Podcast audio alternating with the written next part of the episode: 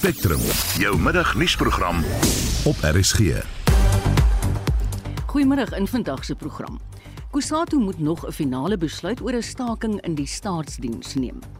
Die Hooggeregshof in Johannesburg het beslis dat die verwydering van die voormalige burgemeester Mpho Palatse onwettig en ongrondwettig was. En vrede-samesprekings tussen die Ethiopiese regering en Tigray rebelle begin in Suid-Afrika. Welkom by Spectrum onder redaksie van Jean Esterhuizen. Die produksieregisseur vandag is Daitrin Godfrey en ek is Marieta Kreer. Daar is geen verkeer. Ons begin in die Wes-Kaap op die N1 stad in by Durbanweg staan 'n voertuig. Die linkerbaan is gesluit.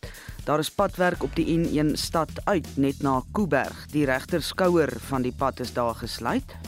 KwaZulu-Natal op die N3 Oos net na Markweg staan 'n voertuig wat die linkerbaan versper. Gauteng op die N1 Suid net na die Brakfontein wisselaar staan 'n voertuig wat die linkerbaan versper.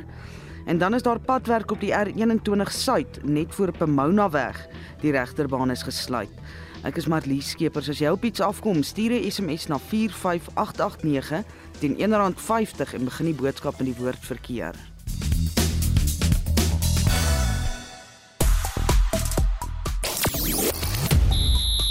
Die voormalige Aussie-kaptein Tim Payne beskuldig die Proteas van balknoeiery. Rory McIlroy is weer nommer 1 op die mans golfranglys en Matthew Sates en Chad le Clos vaar uitstekend in die eerste been van die FINA Wêreldbeker reeks. Ek is Shaun Schuster en is later terug met meer inligting.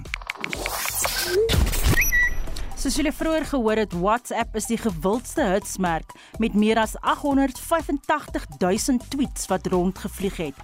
Dit volg nadat gebruikers vroeër geen boodskappe kon stuur of ontvang nie. Dan is daar ook konksla oor die eienaar van WhatsApp, Mark Zuckerberg. ja, kan dink daar's al koingslaaf wees in 'n lien. Die minister van Finansies, Enoch Godongwana, lewer môre middag van 2uur af die mediumtermyn begrotingsraamwerk in die parlement. Ons wil baie graag by die luisteraars weet, wat is die opmerkings of veral vrae wat jy aan die minister of ons span ekonome wil stuur?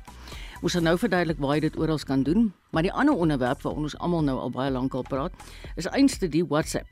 Gebruikers sig nou 'n slaak van verligting dat dit nou weer aanlyn is. Hierdie het losgebars op Twitter vroeër vandag nadat duisende mense reg oor die wêreld probleme met die toepassing ervaar het. Meta, die maatskappy wat WhatsApp besit, het bevestig dat daar probleme is, maar hulle werk nou aan om die probleem reg te stel. Intussen het dit ons laat wonder, hoe afhanklik is jy van WhatsApp in jou daaglikse lewe? En was jy ook deur die WhatsApp onderbreking geraak? Stuur gerus SMS'e gaan na 45889 toe. Dit kos R50 per boodskap. Jy kan gerus saampraat op die Monitor Spectrum Facebookblad. En jy kan natuurlik altyd 'n WhatsApp stemnota stuur na 076 536 6961. Spectrum, jou middagnuusprogram op RSG. Welkom terug 7 minute oor 12. Die Hooggeregshof in Johannesburg het vanoggend beslis dat die verwydering van die Johannesburg Metro se voormalige burgemeester, Mpopalatse, onwettig en ongrondwettig was en dat sy weer haar amp kan inneem. Die hof het gelas dat die raadsvergadering waar tydens Palatsi verwyder is en die ANC se Dada Morero tot burgemeester verkies is, onwettig en ongrondwettig was. Morero se aanstelling word tersyde gestel. En ons praat nou hieroor met die DA se nasionale woordvoerder, Silje Brink. Goeiemôre Silje. Middag Marita. Verduidelik vir ons, wat is die proses nou wat gevolg gaan word om Mpo Palatsi weer in haar amp as burgemeester te laat inneem? Die hof het gelas dat daardie uh, raadsvergadering waar sy verwyder is en daarop volgende vergaderings waar Dada Morero verkies is as die burgemeester ongedaan gemaak word. So die onmiddellike effek van die bevel is dat sy heringestel word in haar amp as burgemeester. Die voormalige burgemeesterskomitee wat aangestel is onder die ANC, die word uh, as ongeldig verklaar daar is net een uitsondering en dit is dat die hof vir die voormalige burgemeester, die ANC burgemeester Dada Moremo 10 dae gee mm. om 'n spesiale aansoek te doen by die hof om enige van die besluite wat tersyde gestel is onder sy hand uh, te beskerm, maar dit moet geregverdig word op grondwetlike ja. gronde.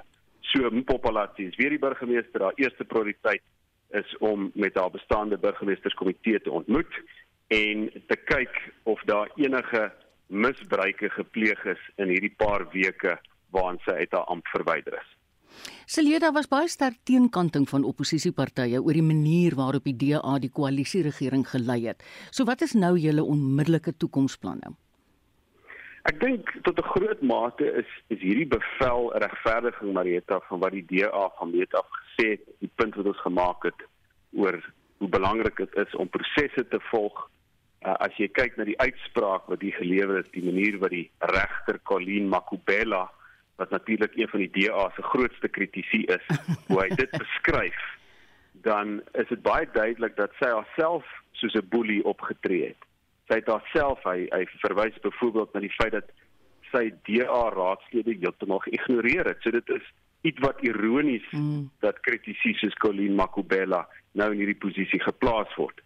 Ek dink die bal is nou aan die kant van die partye in die stadsraad. Hierdie is 'n belangrike oorwinning uh die vir, vir die grondwet en en en vir die demokrasie.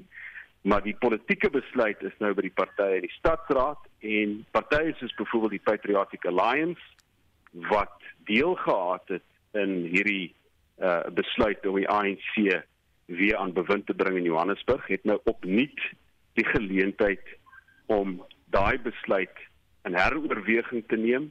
En natuurlik sal hulle aan die kiesers van Johannesburg, van Riverlea, van Ennerdale, van Eldorado Park moet verduidelik wat hulle doen.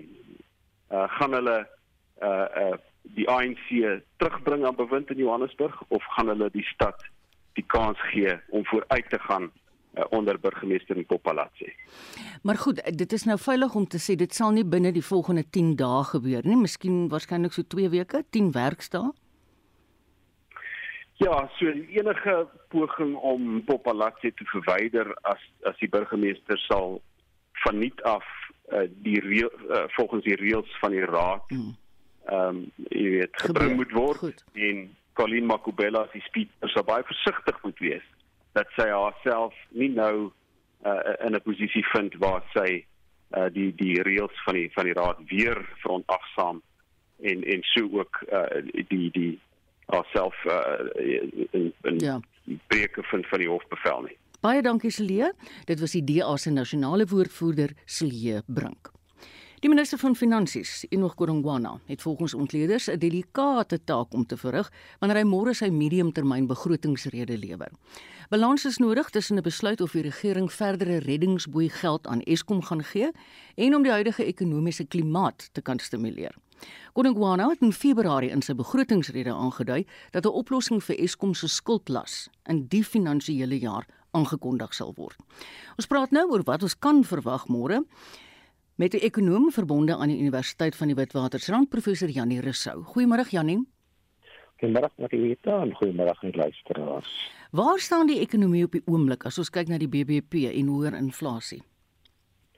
Op die oomblik het ons die probleem wat ons al geweet van verskeie jare in Suid-Afrika dat die ekonomie nie regtig vinnig genoeg groei om werk te skep vir mense in Suid-Afrika nie. Ons ekonomie groei so rondom 1% per jaar. Ons bevolkingsgroei is rondom 1.5% per jaar en bygevolg neem werkloosheid elke jaar toe. Indien die regering wel eens ons geskuld gaan oorneem, watter impak gaan dit hê op ekonomie en op jou en op my? Nou, wanneer van die skuld gaan natuurlik die skuldverhouding, die sogenaamde regeringsskuld tot ehm um, BBP verhouding na die hele geraak wat tot 'n verdere afgradering van Suid-Afrika kan lei. Mm. Kan dit beteken dat die rente op daardie skuld oorgeplaas gaan word as 'n las op die regering? Mm. Wat beteken daar gaan meer direkte staatsuitgawes wees? en dit kan die gevaar inhou van groter belasting vir almal in Suid-Afrika. Ding. Watter ander veranderinge dink jy sal Godongwana maak? Dis absoluut noodsaaklik nie Godongwana nou 'n finale aankondiging maak oor die hele kwessie rondom die uh, tolpaaie in Gauteng waar mense net eenvoudig opgehou om tol te betaal. Ons kan nie langer met daardie onsekerheid aangaan nie. Ons moet nou beleidsekerheid daaroor kry dat ons weet waarmee die regering op pad is daarmee dan sal uh, meneer Gonangwana ook vir ons 'n duidelike aanduiding gee of die fiskale konsolidasie waarmee die regering besig is suksesvol is. Nou ek moet net vinnig byvoeg. Daar is mense wat praat van Suid-Afrika se austerity budget, die sogenaamde besuinigingsbegroting. Dis glad nie wat ons in Suid-Afrika het nie. Ons het nog steeds baie groot tekorte vir lenings. Minimum vereiste vir 'n sogenaamde besuinigingsbudget of austerity budget is ten minste dat inkomste en uitgawes moet balanseer. Maar ons het op 'n stadium gesien dat ons regering so baie geld geleen het dat ons op 'n pad van fiskale onvolhoubaarheid was. Ons wil sien dat die regering ons terugplaas op 'n pad van fiskale volhoubaarheid. Ek luister na wat jy sê Janie en jy weet boonop is die land ook op die rand daarvan om moontlik op die internasionale gryslys geplaas te word. En ek kan net dink wat dit nou vir die ekonomie gaan inhou. Hoe kan ons dit vermy? Wel, uh, die Suid-Afrikaanse regering moet eenvoudig sy werk begin. Dit is die regering se werk om te verseker dat ons nie op 'n gryslys geplaas word nie. Uh, en op hierdie stadium is dit nie vir my 100% duidelik dat ons 'n effektiewe regering in Suid-Afrika het nie.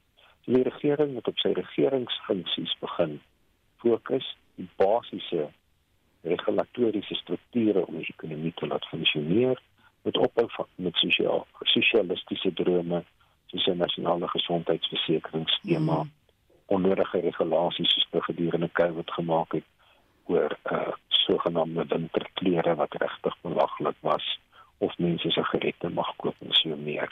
Maar die regering is besig om te val in die basiese met staatkundige funksies wat 'n mens ja. van 'n regering verwag. Ja, mens kry selfs die indruk as jy na al die berigte in die media kyk dat daar soveel binnengevegte dat die fokus is glad nie op die burgery nie. Fokus is glad nie op die burgery nie die ANC het die parlement van 'n waghond en 'n skoothond verander. So al wat nou oorbly is mediavryheid, vryheid van spraak en die gemeenskap wat nou saam staan om Suid-Afrika te laat funksioneer. Ja, jy verwys na die skoothond, maar ek moet jou sê, weet jy, dit is afgryslik dat daar nog nie 'n steekwerk gedoen is aan die parlementsgebou nie. Ja, oor die parlementsgebou wil ek my nie uitlaat nie. Dit wys hoe disfunksioneel mm. die regering is. Mm. Die parlement het maande gelede afgebrand daar's nog niks gedoen om dit te herstel nie want uh, hierdie regering kan nie besluite neem nie en hulle kan nie besluite deurvoer nie. Janie baie dankie soos altyd bring jy baie insig. Ons het gepraat met professor Janie Rousseau van die Universiteit van die Witwatersrand. Jy's ingeskakel op Spectrum, dis op pad na 17 minute oor 12. Die DA het vroeër sy verwagtinge vir môre se mediumtermynbegroting bekend gemaak. Ons praat nou met die DA-LP wat dien op die parlementêre portefeulje komitee oor finansies, Willie Oukamp. Goeiemôre Willie. Goeiemôre Marieta en goeiemôre aan jou luisteraars.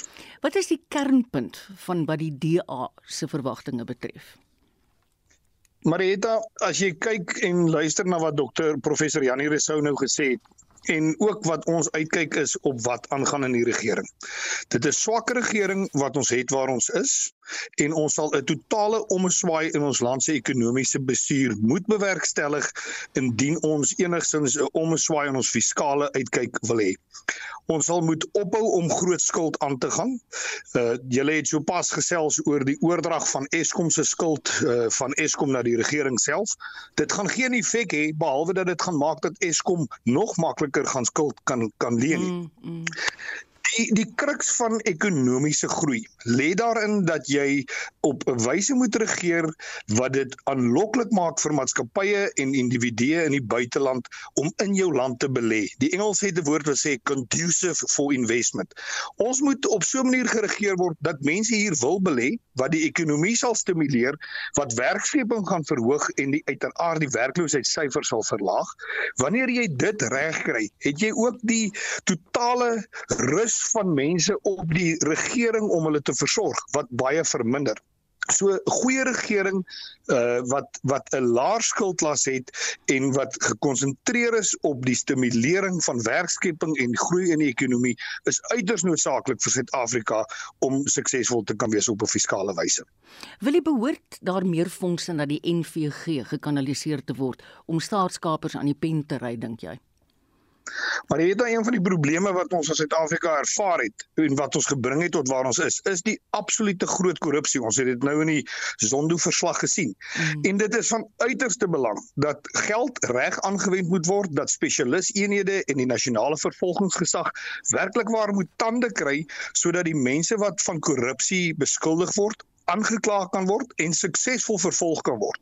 Maar ook dat ons spesialiseenhede in ons vervolging en ons polisie moet hê om toekomstige of huidige gebeurende korrupsieaksies ordentlik te kan vasvat. Ons moet korrupsie met hand en tand uitroei in Suid-Afrika sodat dit ook kan vertroue skep vir die mense in die buiteland. Dat Suid-Afrika 'n gunstige plek is om te belê. Hoe meer jy korrupsie in 'n land het, hoe minder wil mense in die buiteland met jou assosieer. So dis van uiterste belang dat dit gedoen moet word. Het die DA enige oplossing betreffende die stygende kos en brandstofpryse? Ja, beslis. Die DA het verskeie voorstelle wat ons gemaak het wat ons sê moet gebeur onder andere dat daar sekere items is waarop daar BTW gehef word tans waarop die BTW afgeskaf moet word. Goeder soos blikkies vleis, uh geblikte boontjies, margarien, grondboontjiebotter, babakos, tee, koffie, soppoeier ensovoorts. BTW op daardie basiese items kan afgeskaf word Dit gaan 'n effek van die 1,5 miljard rand in ons begroting hê wat werklik nie groot is nie, maar wat ongelooflike verligting aan Jan en Alleman op die straat gaan veroorsaak. Mense wat beslis nie kan uithou meer met die stygende kostes nie. Wat sê hy dalk sy huispaaiement of hy sy huurbedrag wat hy betaal, dalk sy kinders op skool moet hou, maar hy kan net nie meer tred hou nie en daarom kan hierdie onmiddellike verligting gee. Wat ons ook sê van die DA se kant af is dat die brandstofheffing wat die regering vra, moet in totaliteit hersien word. Daar is ongelooflike groot bedrae wat gespaar kan word deur die man op straat mm. indien hierdie hersiening sou plaasvind om ons byvoorbeeld net te vat in die rigting van die eh, padongelukke fonds sê heffing wat deel uitmaak daarvan. Daar is soveel mense daar buite wat reeds versekerings betaal en reeds derde party versekerings het. Hoekom moet daar dan nou nog om die padongelukke fonds te befonds 'n verdere belasting op hom gehef word? Ja, dit is nogal waar wat jy nou sê. Baie dankie Willie. Dit was Willie Oukamp, die DALP wat dien op die parlementêre portefeulje komitee oor finansies. Kusatu, geaffilieerde vakbonde wat staatsdienswerknemers verteenwoordig, gaan met 'n landwyse arbeidsoptrede begin nadat 'n dooiepunt in salarisonderhandelinge met die regering bereik is. Die vakbonde sê hulle sal met vergaderings en protesoptogte begin in aanloop tot 'n versoeningsproses wat op die 31ste Oktober by die Staatsdiensbedingingsraad plaasvind. Die Vereniging van Staatsdiensamptenare, die FSA, sê hy het gister 'n kennisgewing ingedien vir 'n nasionale staking. Esie de Klerk doen verslag. Die gesamentlike komitee van Kusatu vakbonde wat Denosa Nahu en Popcrew insluit, het die regering se salarisaanbod van 3% verwerp. Die vakbonde eis 'n verhoging van 10% wat die huidige toelaag van R1500 uitsluit. Die president van Denosa, Simon Slungwani, verduidelik. But during the conciliation, we will have pickets at the PSCBC that we can confirm because that's where the employer reps will be also attending. We might as well even have other pickets in different other places. We have our own eyes on the National Treasury. We have our own eyes at the DPSA. We have our eyes to raise our plight in the National Assembly and different legislatures. Die vakbonde veroordeel die waarnemende minister van staatsdiens en administrasie, Tulas Nxesi, omdat hy gedreig het dat die 3% verhoging geïmplementeer sal word. Hier is die adjunksekretaris-generaal van Nahawu, December Mabuso. It has never happened in the public service that you in the middle of a dispute process you then threaten people that if you don't sign this is what is going to happen and all of these things. I will implement it. It has never happened. We're going to conciliation on the 31st. Let's go and deal with the matter there. This disparate act is really problematic. But if it was it were to happen, it would just confirm what we've always been saying that collective bargaining is under threat in the public service in South Africa. Die vereniging van staatsamptenare sê sy lede is gereed om met 'n nasionale staking te begin. Die vakbond se Claude Niker sê die vakbond het reeds die regering tegemoet gekom om die aanvanklike salarisverhoging van 10% na 6,5% te verlaag. Die FSA se salarisverhogingsaanvraag sluit 'n verlenging van die R1500 toelaag in wat in Maart verstryk. Once the 7-day notice period has expired, we will commence with our picketing process leading up to a full-blown strike action. It has only once happened in the public service previously where they've implemented the offer unilaterally when there was no settlement and this caused a rift between the unions and the employer and if the employer is going to embark on that process I think it's going to simply entice us to go on industrial action and we're going to intensify our efforts to go on industrial action. Dit was Claude Naiker van die vakbond FSA. Die verslag is saamgestel deur Naledi Ngobo en ek is Estie de Klerk vir SAK nuus. 12:24 en 'n half. Nou vir 'n storie wat baie interessant is. Die gewapende stryd tussen die Ethiopiese regering en die Tigray-rebelle woed al minstens 2 jaar, waarin duisende mense dood is en miljoene ontwortel is. Afvaardigings van beide partye sal in Suid-Afrika vergader vir vredesamesprekings. Vir meer hieroor praat ons nou met 'n senior opleidingskoördineerder van die Enact program by die Instituut vir Sekuriteitsstudies Willem Els. Hallo Willem. Hallo Marieta. Hoekom word die vredesamesprekings nou juis hier by ons gehou? Jong ja, as jy kyk na 'n uh, sekere konflikte soos die wat nou daar in Ethiopië aan die gang is, dan kyk hulle na 'n uh, neutrale land. Nou Afrika is maar baie uh, gebaseer op hulle ekonomiese blokke waar ons nou SADC is en uh, natuurlik Ethiopië deel is van die Oos-Afrika ekonomiese blok. So dan is dit nou maar die die uh, gebruik dat hulle na 'n meer neutrale land toe verskuif om die samesprekings aan te te voer uit hulle oogpunt is dit seker 'n meer neutrale land dan vir ons wat hier bly. Watter verskil kan Suid-Afrika maak in 'n oorlog wat reeds 2 jaar lank woed? Jong, ek dink Suid-Afrika het so 'n bietjie van 'n geskiedenis waar daar 'n bietjie sukses was. As mens kyk na die onderhandelinge wat hier in Suid-Afrika by Sun City plaasgevind het om die onafhanklikheid van Suid-Sudan te beding, uh uh uh etlike jare gelede en mm. ons weet wat die uitkoms daarvan is dat daartoe natuurlik 'n onder die totstandkoming gelei het van die uh van Suid-Sudan hoewel hulle nou onder mekaar dan beklei maar Suid-Afrika was baie betrokke en instrumenteel in die totstand totstandkoming van uh, Suid-Sudan. Nou hier sit hulle met 'n 'n 'n soortgelyke probleem waar daar uh, op etniese lyne 'n verskille is in die land en waar die Tigray mense nou meer aandeel uh, of uh, aanspraak maak dat hulle bietjie meer autonoom wil wees en dat hulle nie heeltemal met Ethiopië se uh, se nasionale regering saamstem oor die autonomiteit nie vlakke van autonomiteit ensovoorts nie.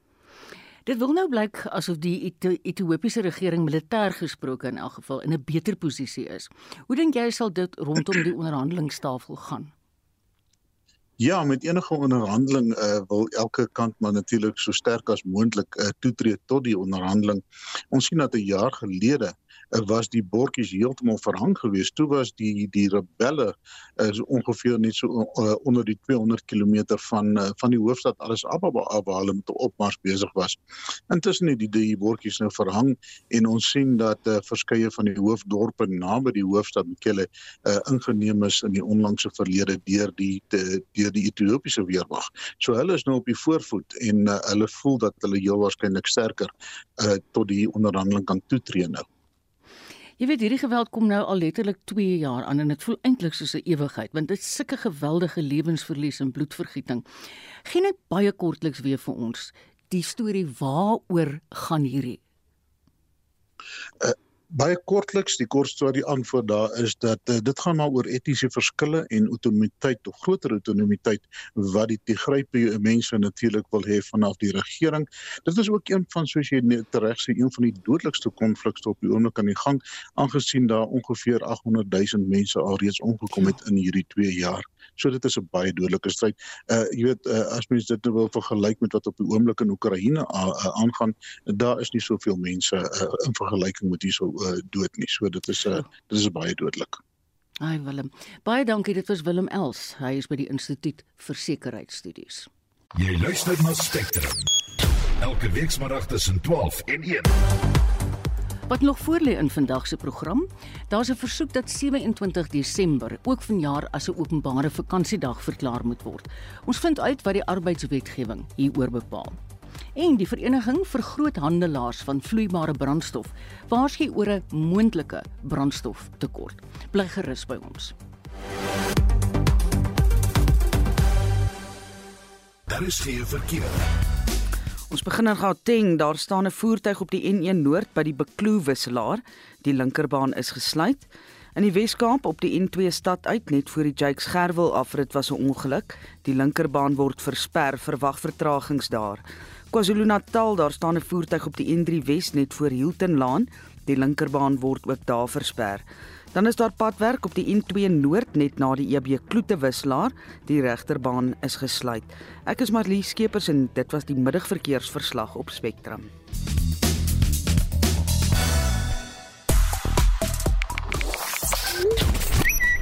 En om verder sout in WhatsApp se wonde te vryf, is daar talle memes oor iMessage en Telegram wat almal skielik begin gebruik het toe WhatsApp verwyle onklaar geraak het.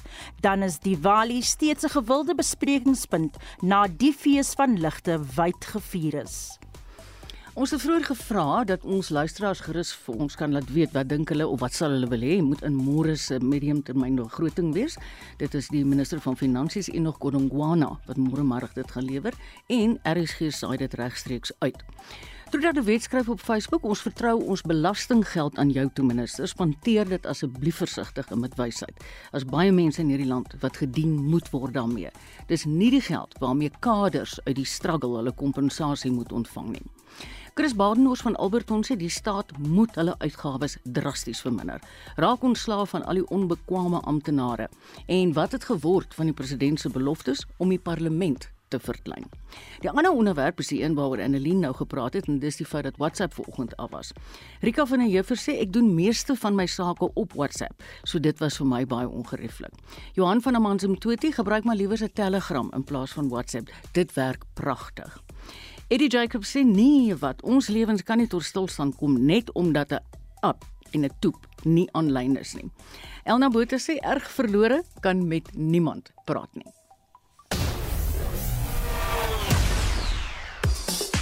Shaun Schuster het die jongste sportnuus. Volgens die voormalige Aussie-kaptein Tim Payne het die Proteas tydens die 2018 toetsreeks teen Australië met die bal gepeter en die uitsaaier was bewus daarvan.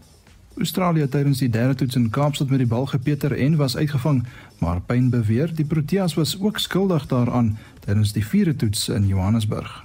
Volgens Pyn was daar 'n kameraskoot van 'n Protea speler wat met die naad van die bal peter, maar na bewering het die uitsaaier van die opname ontslaag geraak. Die Proteas het die reeks 3-1 gewen. En by die T20 Wêreldbeker toernooi in Australië pak die gasheere en Sri Lanka mekaar van 1 uur af in Perth. Alhoewel die Stormers oor die naweek in die Verenigde Rugby Kampioenskappe gestruikel het, lyk dinge steeds goed vir die Suid-Afrikaners. Die Bulls en Stormers is derde en vierde, beide op 19 punte, met die Sharks en Lions sewende en agste op 15 punte elk. Onthou die Sharks en Lions se wedstryd teen Ulster en Glasgow was uitgestel. Die eerste reëse Leinster bly die voorlopers en het nou al 28 punte bymekaar gemaak.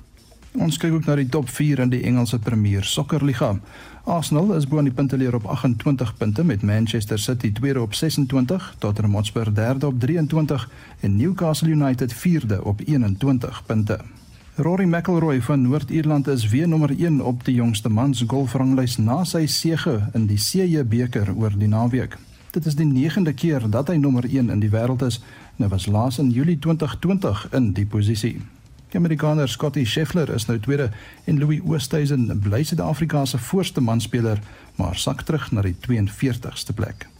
Die twee Suid-Afrikaanse manswemmers Matthew Seitz en Chad le Clos het uitstekend gevaar in die eerste been van die FINA se Wêreldbekerreeks in Duitsland. Seitz en le Clos het 6 goues en 2 silwer medaljes tussen mekaar ingepalm. Seitz het 4 goud en 1 silwer medalje verower. Hy is ook heidaglik die voorloper onder die mans terwyl le Clos 4de is. Dit was die eerste van 3 bene. Die tweede been vind die naweek in Toronto in Kanada plaas. So sê Shaun Schuster van ons sportredaksie. Jy luister na Spectrum. Elke week saterdag tussen 12 en 1. 12:35. Die DA en die regering is weer haks nadat 'n Russiese miljardêr se luukse seiljag van miljarde rand na die Kaapse hawe op pad is. Alexei Mordachov, wat 'n naby vriend van die Russiese president Vladimir Putin is, se seiljag het reeds Hong Kong verlaat en kies luidensberigte koers Kaap toe. Die burgemeester van Kaapstad, Gordon Hilloos, het reeds sy misnoot te kenne gegee en het ook 'n brief gerig aan die minister van internasionale betrekkinge, Naledi Pandor, om Mordachov en sy superseiljag te belet. Ons praat nou hier met professor Antoni van Nieuwkerk aan Unisa se Tabo Mbeki Afrika Skool vir internasionale betrekkinge. Hallo Antoni. Goeiemiddag, Mariet. Wat dink jy van die feit dat die Kaapse burgemeester wil verhoed dat Mordachov voet aan wal sit in die Kaap?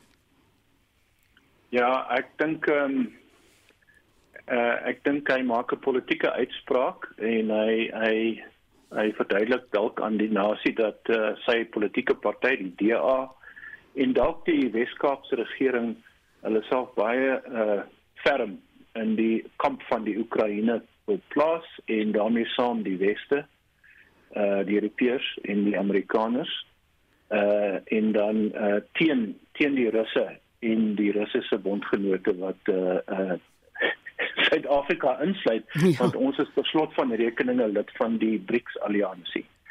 Maar ek moet jou sê dat uh hy kan nou so 'n uitspraak maak op 'n politieke vlak of selfs op 'n morele vlak 'n uh, uitspraak maak. Maar uh die realiteit is dat uh, Suid-Afrika die die regering van Suid-Afrika het uh, normale diplomatieke verhoudinge met die Russiese Federasie. Uh, en Suid-Afrika het nog nie besluit om deel te neem aan die westers gedrewe sanksie ehm um, regime uh, teen Rusland nie. So uh, hy gaan nie ver kom met sy idee nie. Is dit? Hoe verwag jy ja. gaan minister Naledi Pandor reageer? Uh, uh dalk met irritasie. uh ek ja, want ek dink op die politieke vlak gaan dit maar 'n tipe van 'n ANC DA tipe van weggeveg wees. Uh op die diplomatieke vlak moet ek vinnig bysê net 'n bietjie meer uh um uh ernstig te wees oor hierdie onderwerp maar jy dat daar's 'n spanning tussen uh in internasionale verhoudinge. Het daar 'n spanning ontwikkel tussen uh die buitelandse beleid wat gedryf word deur die sentrale regering, so die ANC regering, die uh, Naledi en die ouens in Pretoria, Durko, uh, buitelandse ministerie en dan provinsies. Want uh, in metros, stede selfs want provinsies en metros en provinsiale regerings wil baie graag hulle eie buitelandse beleid ontwikkel om toerisme te trek en investering uh in in in handelsbande te versterk tussen hulle self en ander provinsies of lande of stede of metros mm. elders. Mm. En dis 'n gewilde ding wat besig is om plaas te vind.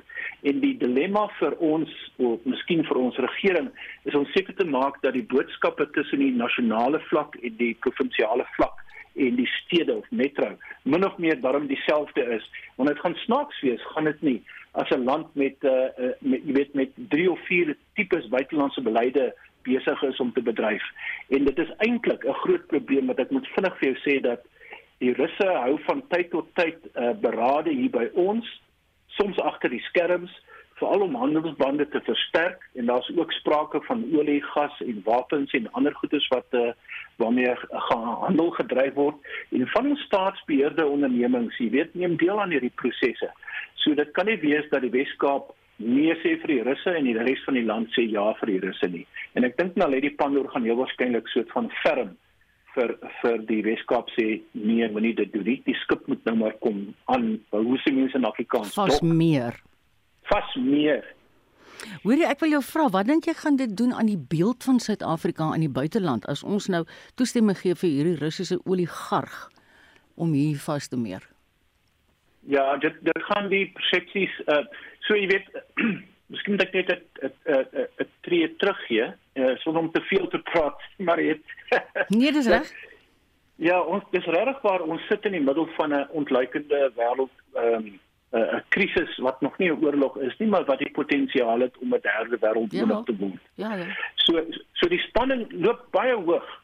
Mens moet dit nie onderskat nie en die wintermaande lê voor vir die Europeërs en die die spanning gaan nog steeds toeloop, uh, toeneem dink ek en moeiliker word.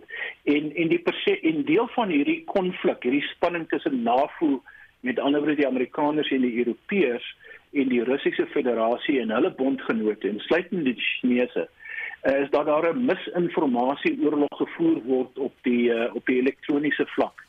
Ehm um, en uh, die persepsies wat mense het van Suid-Afrika wat Rusland ondersteun, gaan versterk word as hierdie seiljag, as hierdie groot vaartuig nou vasmeer in Kaapstad. Uh en die Europeërs gaan en die Oekraïne en ons ambassadeur, die ambassadeur van die Oekraïne in Suid-Afrika, mm. ek haar naam vergeet. Uh, sy gaan nie waarskynlik baie kwaad wees en ja. daaroor gaan sy ook seker uitsprake maak.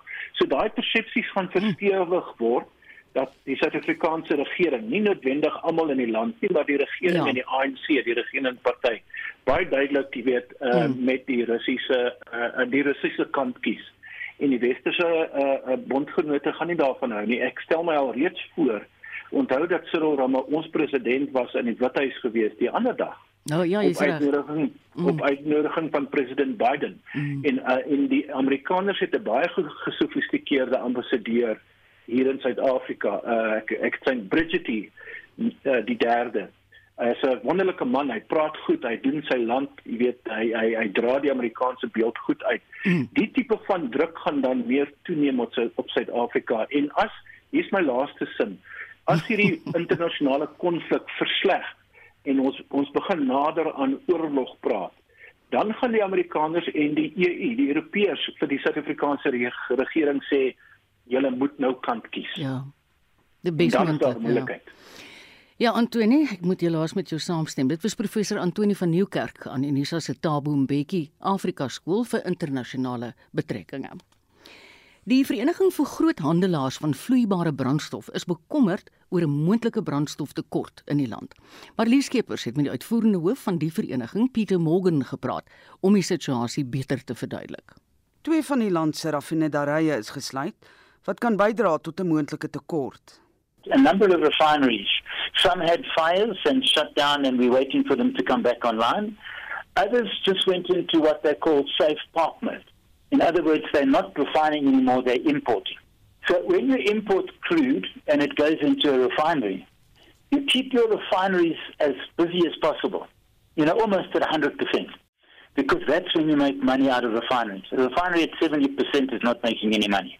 So because we had these refineries that were running at such speeds and, and at full speed, we always had a little bit of strategic stock because the refineries were producing like mad.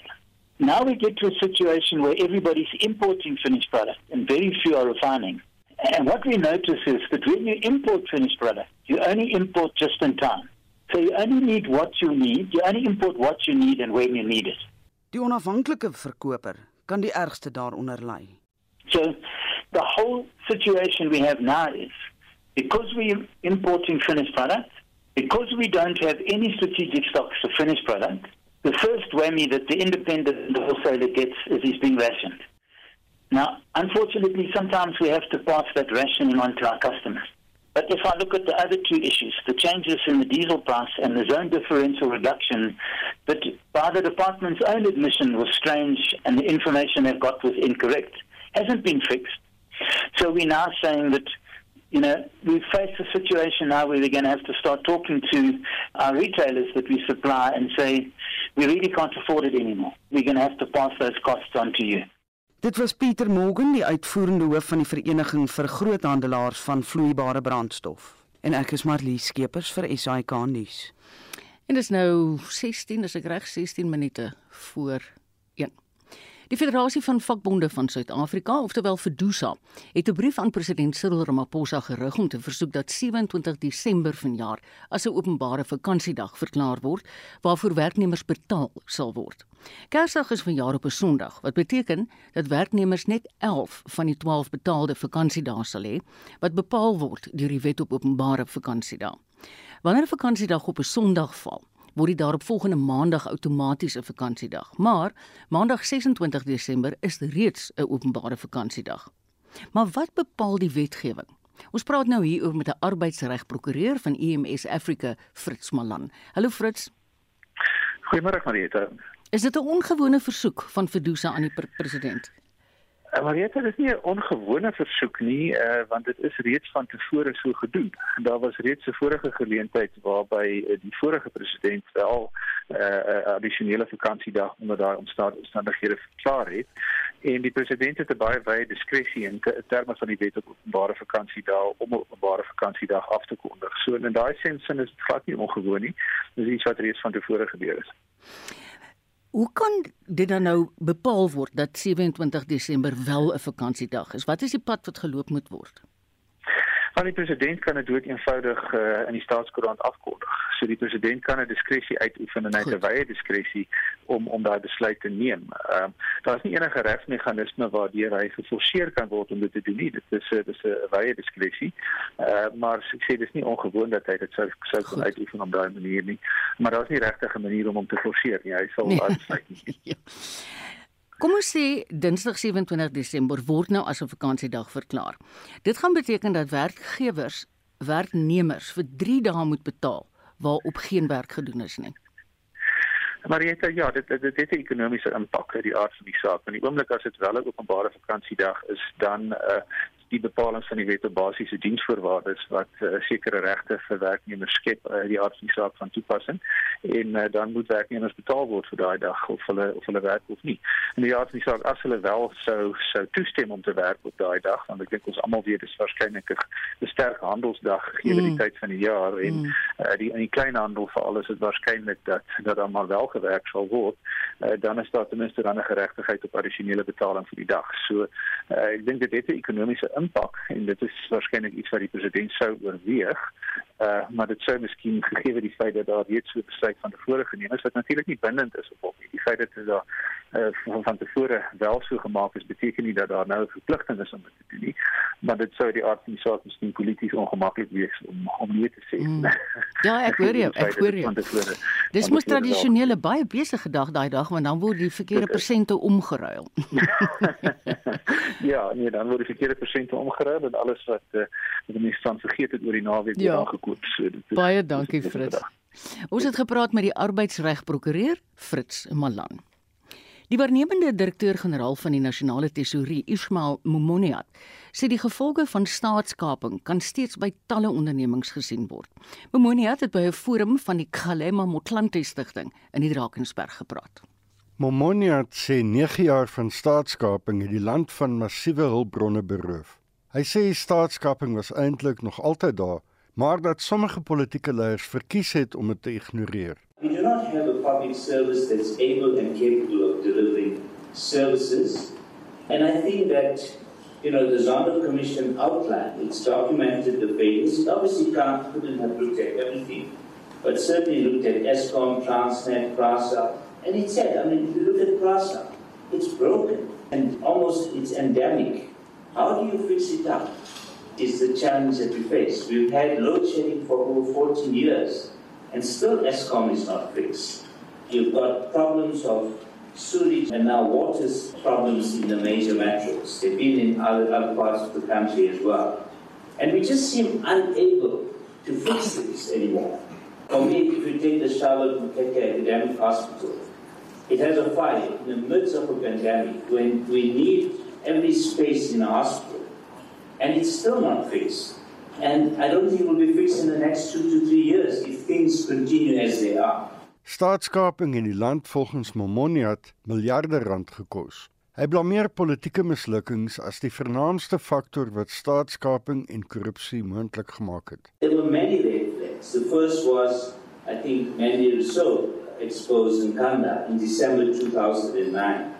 And everybody looked the other way. Nobody who should have there was said, can we at least be certain that this hasn't happened? We've had the National Development Plan since 2012, and very little was done to implement. And, you know, I think our politicians have learned that you say one thing, but do another. And they are experts at it.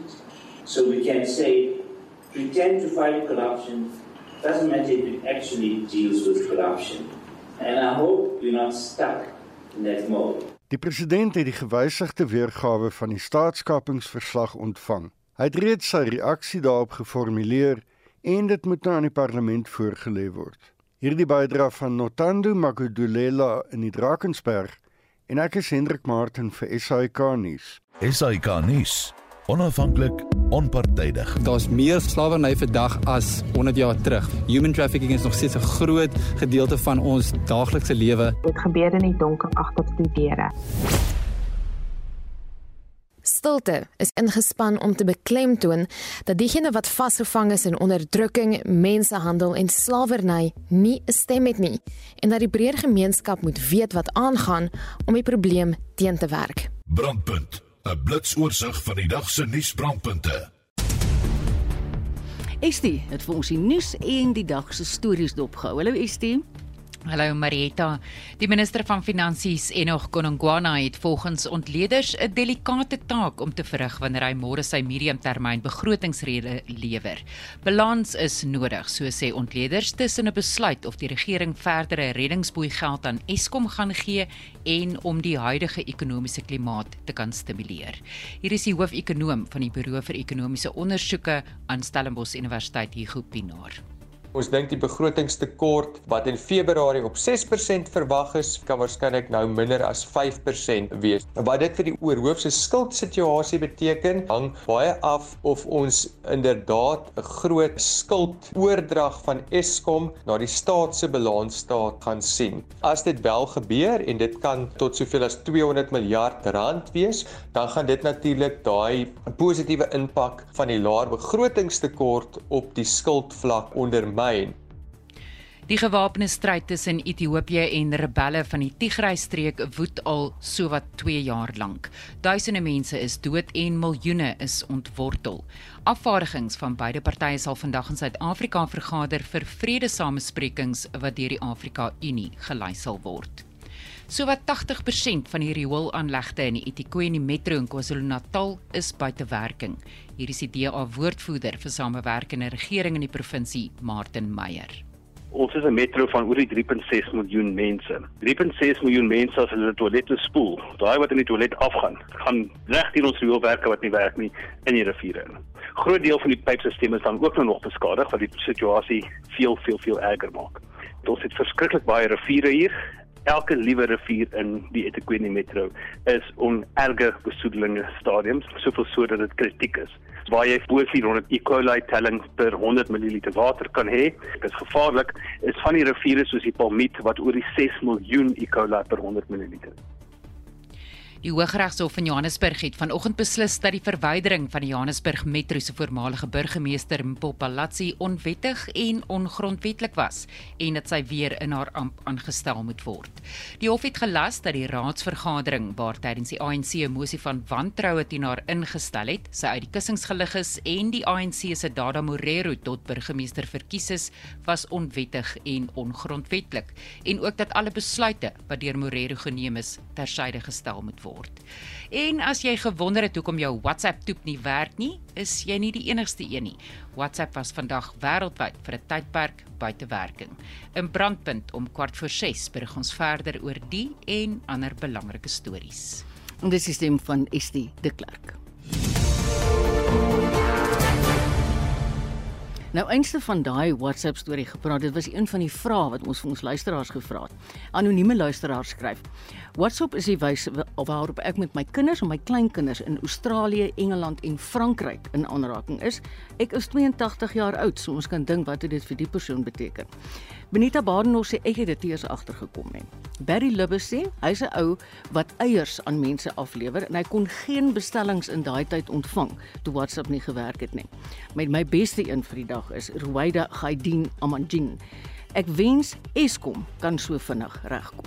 Baie dankie vir almal se deelname. Ons is oorvul met WhatsApps en met boodskappe. Ek hoop jy die laaste uur geniet soos ons het en ek groet nou namens ons uitvoerende regisseur Nicoline de Wee, redakteur vandag Jean Esterhuizen en die produksieregisseur is Daitrin Godfrey. Die Kaap sit gereed met die 1 uur nuus en daarna 360 en ek groet net tot 3 uur vanmiddag. Ek hoop jy het 'n heerlike dag saam met RSG.